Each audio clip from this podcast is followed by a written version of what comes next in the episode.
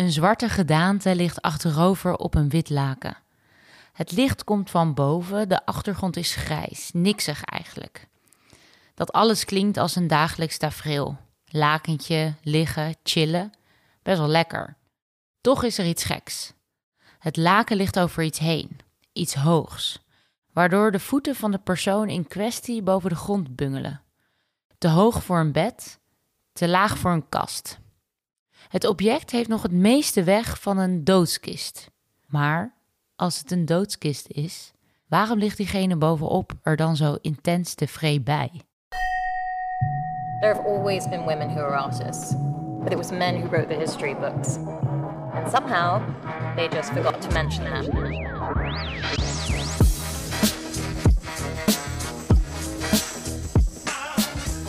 Welkom bij Naakt op een kleedje, de podcast waarin Yukiko en ik, Heske ten Katen, in gesprek gaan over een kunstwerk met een bijzondere gast.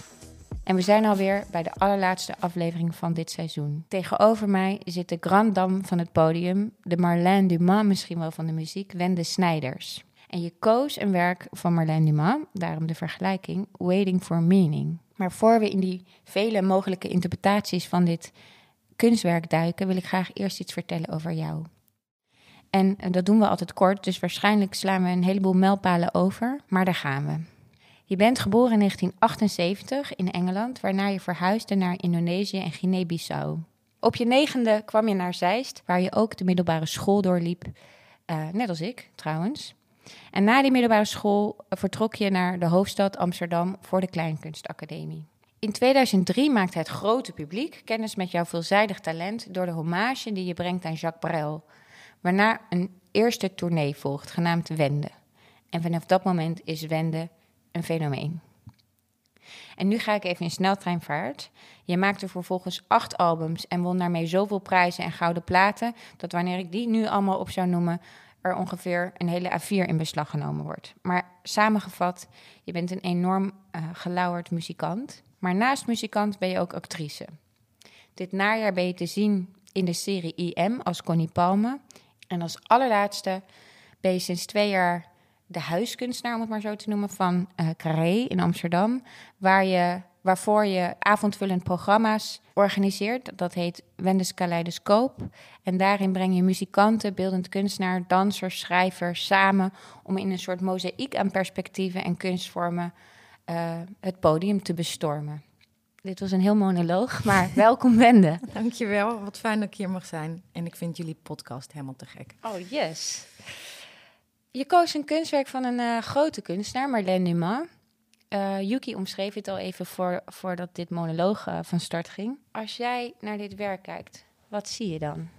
Elke keer als ik er naar kijk, zie ik het anders. En dat heeft heel erg met mijn stemming te maken. Dus de ene keer is het ontspannen en de andere keer is het mijmerend. De andere keer is het gelaten, de andere keer is het apathisch. Dus ja, ik vind dat er het meest fascinerende aan dat het zo ruimte geeft aan de eigen uh, interpretatie en, en toch heel sterk een eigen signatuur heeft. Ja, het heet Waiting for Meaning. Het wachten op betekenis in zekere zin. Ja. Wacht jij daarop? Uh, in het slechtste geval wel. Het is een schilderij wat ik eigenlijk al heel lang ken. En bij elk project wat ik aanga um, op mijn netvlies, ofwel echt letterlijk gewoon in, in de moodboard of aan een muur heb hangen of aan mensen laat zien van dit, dit is ongeveer wat ik niet wil. Vooral de titel, mm -hmm. dat waiting for meaning, voor mij uh, is dat iets wat ik niet wil. Ik wil niet wachten totdat er zin komt. En het is tegelijkertijd ook iets wat ik, waar ik me een beetje macaber genoeg toe aangetrokken voel. Dus er is een rare spanning tussen aan de ene kant het leven vast te willen pakken en aan de andere kant daar je volledig aan overgeleverd voelen. Ja, je moet ook maar een beetje afwachten of het komt. Dat gevoel van betekenisvol zijn ja, of betekenisvol je, werk maken. Ja, en je weet het niet, weet je. Je doet van alles en je bedenkt allerlei enorm mooie theorieën en, en redenen waarom er wel hoop is en waarom wel iets zinvol is. En, uh, en, en, en tegelijkertijd weet ik ook dat het een illusie is, omdat als ik de chaos en de zinloosheid en, en de leegte die het bestaan ook is, zeg maar, recht in het gezicht moet kijken, dan, dan overspoelt mij dat best wel, zeg maar. Dan, dat vind ik een enge, enge spiegel om in te kijken. Ja, nou, ik denk, ik vind het interessant dat jij dit werk kiest en dat, maar ook dat Marlène Dumas dit werk heeft geschilderd, omdat voor mij zijn jullie allebei twee makers die heel erg thema's opzoeken die over de, de ruwe of de rafelkanden ook wel van het leven gaan. Uh, en daar een gezicht aan geven. En daarvoor voor mij hele betekenisvolle makers zijn. Omdat als je die niet erkent, die kant, eigenlijk het leven een beetje betekenisloos wordt. Dat is ook zo. En daar vorm van te kunnen maken, zeg maar, voor mij is, is heel zinvol en heel wezenlijk. En eigenlijk ook uh, uh, voor mij een levensnoodzaak. Maar wat ik er ook wel in zie, zonder een totale politiek correcte Miss Universe-achtige World Peace, World Peace advertentie te geven nu. Is dat ik me ook, dat ik me wel ook in dat schilderij uh, uh, enorm kan zien dat ik gezegend ben met waar ik geboren ben, met de kansen die ik gekregen heb, met de, de genetische structuur waar ik mee geboren ben. Uh, en dat ik net zo goed op plekken had kunnen worden geboren waarin je wel van alles en nog wat wil en van alles en nog wat zou kunnen aankijken en misschien noodgedwongen ook in je gezicht geduwd wordt, zeg maar. En dat, dat het leven je ook echt op dat bed kan duwen en gewoon geen kansen geeft en dat dat er wel dat hele adagium van niet opgeven en, en, en een beetje zo die maakbaarheid en, en al die filters die er allemaal mogelijk zijn en de Instagram paradijselijke levens die je worden volgens dat het soms gewoon niet zo is. Soms staat het leven best wel zo danig tegen dat je niet meer kan opstaan. Nee, klopt. En ergens zeg je dus doordat wij kunnen maken, of het nou schilderen is of uh, zingen of podiumkunsten, is dat ook het gelijk het tegengif. Ja, maar en het roept ook een beeld op van, nou ja, voor mij in ieder geval van bepaalde compassie. Dus het geeft een bepaalde, het is een is als het ware een lucifer. Als ik er naar kijk, denk ik, oké, aan de slag, weet je wel? Want ik kan soms heel letterlijk denken van... oh, ik kom er niet uit, ik voel me zo slecht. Ik weet, weet je wel, gewoon die, die lelijke kant die denkt... nou moet ik weer een nieuw liedje schrijven... of ik moet nu weer iets verzinnen of moet... Dat heb ik mezelf aangepraat en het lukt niet. Ik ben al... Nou, gewoon die visueuze cirkel van onzekerheid. En dan die, dat schilderij kan denken, kom op, weet je, dit, is, dit wil je niet. Dus je moet gaan, opstaan. En aan de andere kant dus dat het je een compassie... Uh, dus dat gaat niet zozeer over mezelf, als wel over dat je, dat je gewoon compassie hebt door dat schilderij. Ja, want ik zei net in mijn introductie inderdaad dat jullie gelauwerd, of uh, jij bent een gelauwerd uh, podiumartiest, maar Marlène Dumas is ook een zeer gelauwerd schilder. Maar ik heb wel het idee dat jullie niet op je lauweren rusten eigenlijk. Ik probeerde een afspraak te maken met jou voor dit interview en toen uh, sprak ik degene die uh, even met mij meekeek in jouw agenda. En die noemde hardop in de telefoon op hoe jouw week eruit zag. Toen schrok ik bijna dat ik dacht, wauw, elk uur van jouw leven wordt betekenisvol gevuld. zo, zo klonk het. En ik, en ik zat gisteren nog een mooie interview met Marlène Dumas te kijken. Die vertelde, ik schilder eigenlijk tussen 1 uur s'nachts en 4 uur s ochtends. Omdat dat het moment is dat ik de rust voel. En overdag trekken galeriehouders me aan mijn jas en museumdirecteur. En ja, en als ik dan een solo tentoonstelling maak, dan wil ik er ook bij zijn. En dan wil ik het zelf ophangend werken en ik wil het voelen. En daar dacht ik ineens heel erg een parallel te zien tussen hoe jullie ook werken. Uh, nou, ik heb heel veel hulp, moet ik zeggen. Dus ik uh, pretendeer absoluut niet dat ik dat helemaal in mijn eentje doe. Het feit dat ik me overal mee wil bemoeien, is waar. En die neurose, die neem ik gewoon. Dus het kan me niet schelen of dat heel ongezond is. Maar ik vind, ik vind het fijn om er dicht op te zitten. En dat in elke element dat daar een verantwoordelijkheid van mijzelf aan zit. En dat er een idee over zit en dat er een verbondenheid aan zit. Dan moet je je, weet je, verhouden tot de organisatorische, logistieke, producerende kant. Ook de marketingkant. Ja. En dat is een kunst op zich. Ja. Ik vind dat niet erg, maar dat zijn wel hele grote afleidende factoren van, de, van Ja. het creatieve werk wat je doet. Ik moet die twee dingen waarborgen. Dat ik goed dat logistieke voor elkaar heb. Dat ik ook dat team op de een of andere manier goed hun eh, dingen kan geven, zodat zij aan het werk kunnen. Zodat ik genoeg tijd heb om bij dat ene uur goed liedjes maken, eh, goed performen te kunnen komen. En dan is een dag echt, echt heel kort. En, eh, en dus het klopt dat ik dat moet regisseren. Anders krijg ik gewoon niet wat ik wil hebben. En daar is nog een heel leuk verhaal over. Is dat op een gegeven moment zei iemand tegen Michael Jackson: Kun je niet iets minder hard werken? En dat hij toen zei: Nee, want anders geeft God mijn inspiratie aan Prince. en toen. Oh mijn Toen god. dacht ik, en soms even los van de Ja. competitie of zo die daarin zit, zo dacht ik wel van ja, ik, ik moet die tijd gebruiken, want anders denkt God, ik geloof helemaal niet in God, maar denkt ja, Nu ik is het geef op. het niet aan jou. Ja, precies. Dus zolang je het voelt, moet je het ook optimaal benutten eigenlijk. Als je weet hoe de wetten werken voor jouzelf om tot creativiteit te komen, die voor iedereen anders zijn, dan, dan moet, je da- moet je je leven zo inrichten. En dat is vrij onvoorwaardelijk, inderdaad. En dat klinkt allemaal vrij gepland en zo, maar ik ben daar heel gelukkig bij. Ehm, ik zag nog veel meer parallellen tussen Marlene Dumas en jou. Daar gaan we het over hebben. Maar eerst vertelt Yuki iets over het leven en het werk van Marlene Dumas. Marlène Dumas is in 1953 geboren in Kaapstad, Zuid-Afrika, waar ze ook schilderkunst studeerde. Door de toekenning van een beurs verhuisde ze in haar twintiger jaren naar Nederland, waar ze nog steeds woont en werkt. Inmiddels is ze een van de belangrijkste schilders van dit moment. Haar intense, emotioneel geladen schilderijen en tekeningen gaan over existentiële onderwerpen als liefde, dood en verlangen en refereren vaak aan kunsthistorische motieven en actuele politieke thema's. Ze laat veelal mensfiguren zien op haar doeken en gebruikt vaak krantenknipsels en snapshots als inspiratie. Je herkent haar werk aan blauw, grijze, roodachtige tinten die gezamenlijk een net niet scherp beeld van een bepaald gevoel of persoon weten op te roepen. Ik las ergens over jouw Wende, maar ik weet niet of dit klopt. Dat ooit toen je een eh, nieuwe album uitbracht, heb je daar een lezing bij gegeven over het belang van dromen.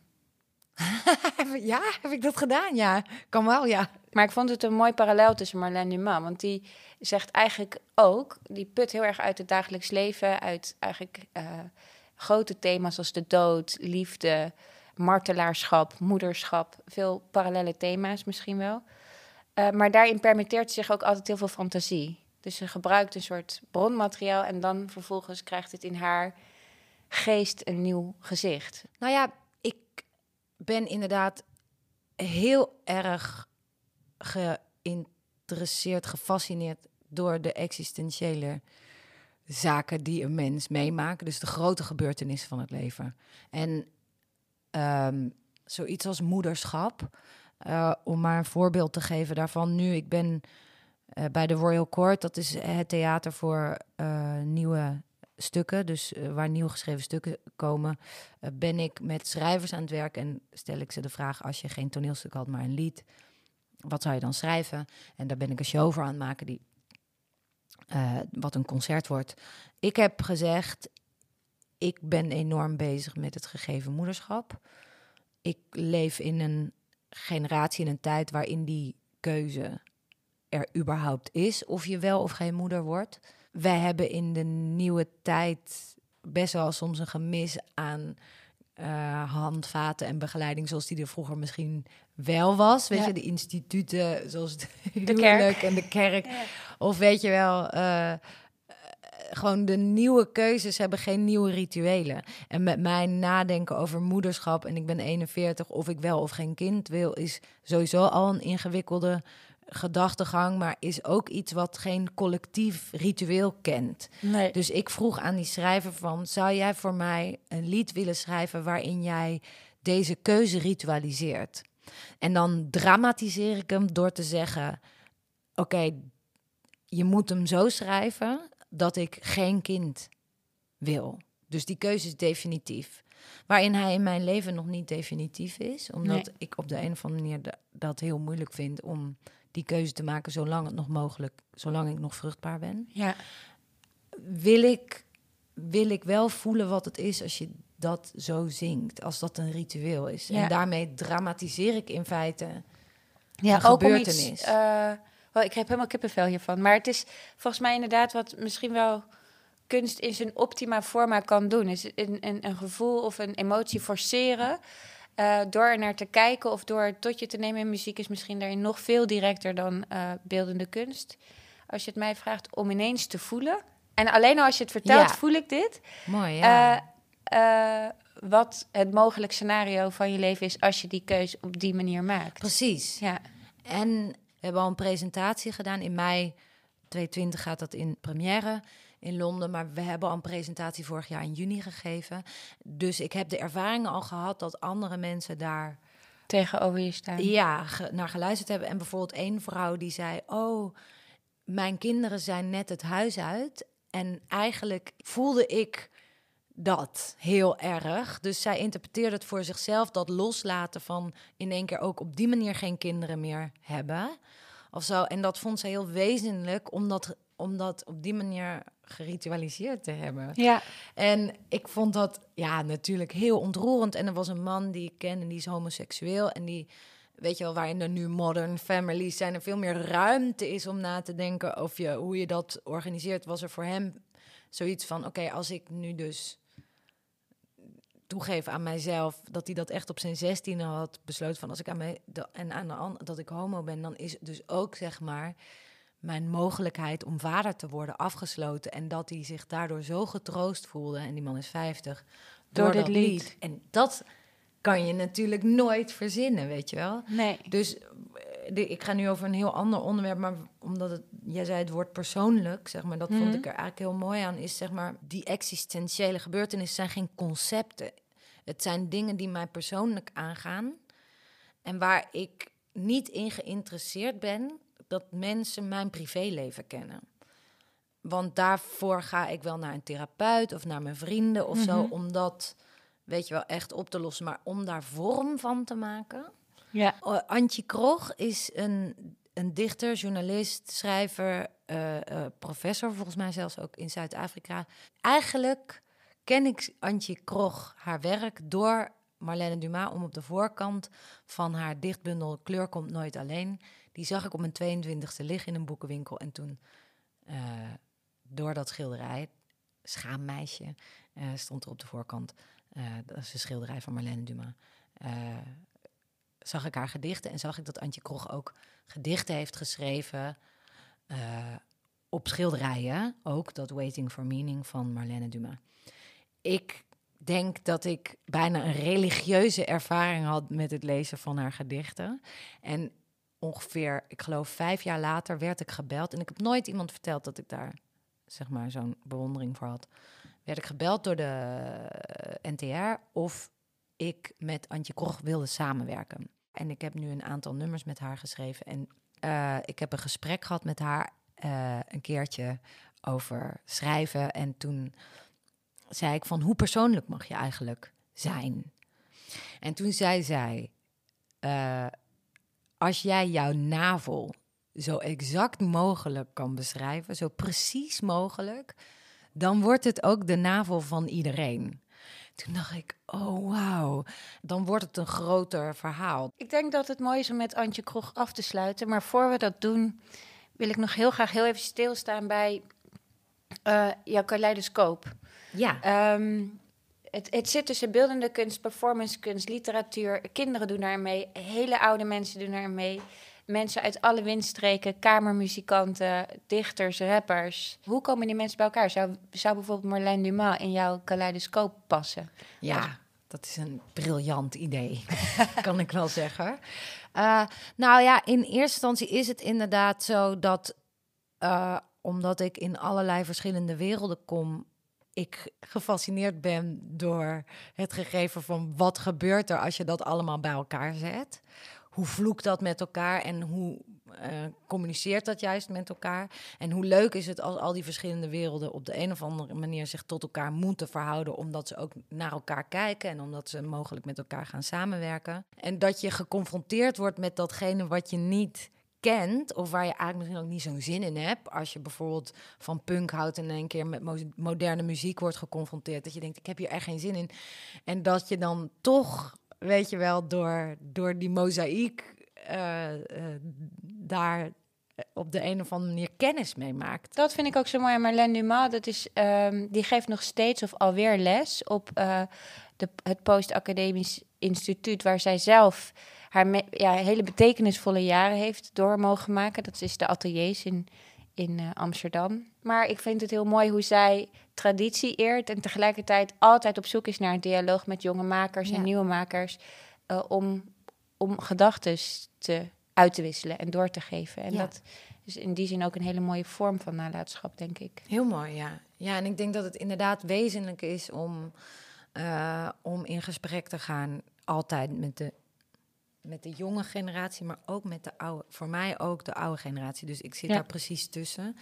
En ik, daar wil ik ook nog wel een lans voor breken, dat er vaak uh, jong, uh, en dat is ook belangrijk. En, maar ik, ik denk soms, we moeten allemaal naar de bejaardentehuizen ja. gaan. En gaan praten met de hoeveelheid ervaring die er is. En versteld staan van de hoeveelheid moderniteit daar eigenlijk in die visie zit. Dat is, maar dat is een heel. Daar moeten we een andere podcast aan hebben. Maar um, wat ik bijvoorbeeld, wat ik nu ook even als we het hebben over het gesprek met de jonge mensen. Is ik heb voor de vorige kaleidoscoop met heb ik Stien, een rapper, uitgenodigd, een 19-jarige vrouw. En, en nu ben ik met een nieuwe, eigenlijk het nieuwe album Na Mens bezig en een nieuwe show. En ik heb haar gevraagd van, wil jij mijn, uh, wil jij mijn uh, begeleider daarin zijn? En, en echt mijn begeleider. Dus kun jij mij, weet je wel, gewoon les, kun jij mij vertellen wat je ziet? Dus en daar, dat is een hele gelijkwaardige uitwisseling. Dus ik weet dat ik haar van alles en nog wat kan leren, omdat ik veel ervaring heb. En ik kan haar daar informatie over geven, maar zij kan mij, zij leert mij evenveel. Ja. En, en ik denk dat het gewoon sowieso het gegeven van samenwerken en blijven uitwisselen, dat dat het meest zinvolle is wat je kan doen. Amen. Dankjewel Wende voor dit mooie gesprek. Voordat ik jullie ga vertellen door wie naakt op een kleedje allemaal gemaakt wordt, eerst Antje Krog. Waiting for meaning. 'n Vreemde lover laat jou anders vashou. Jou skouers skil anders uit sy palms. Jou borste bondel anders in sy nek. Omdat hy vreemd is, is jy bevreemdend heel en ontslaaf van jouself hoe oud het ons geword. Hoe verknies tot kommer. Hoe verspoel in skuld en klier my hart vlug soos 'n rot. Ek dink aan jou en ek steek die winter oor. Ek dink aan jou en koue swys aan my vel, droef. Droef so ver die hart kan inkyk. Ons het die jeug uit ons hare geskit. Ons kan ons lewe nie meer melk gee nie. Ons veroorsaak mekaar. Jy daar, ek hier, foos gekneus en behoorlik strot omgedraai. Naakt op een kleedje wordt gemaakt door Hesket en Kate en mijzelf, Yukiko. Mocht je dit nou te gek vinden, volg ons dan op Instagram en laat een review achter in de podcast-app. Daar help je ons enorm mee. Editing wordt gedaan door de fantastische Misha Melita. En alle muziek die je gehoord hebt is gemaakt door Gijs Knol en Tom Hofland. We hebben subsidie ontvangen voor deze podcast van Moria Fonds en Stichting Democratie en Media. En mocht je het vergeten zijn, laat die review achter. Help je ons enorm mee.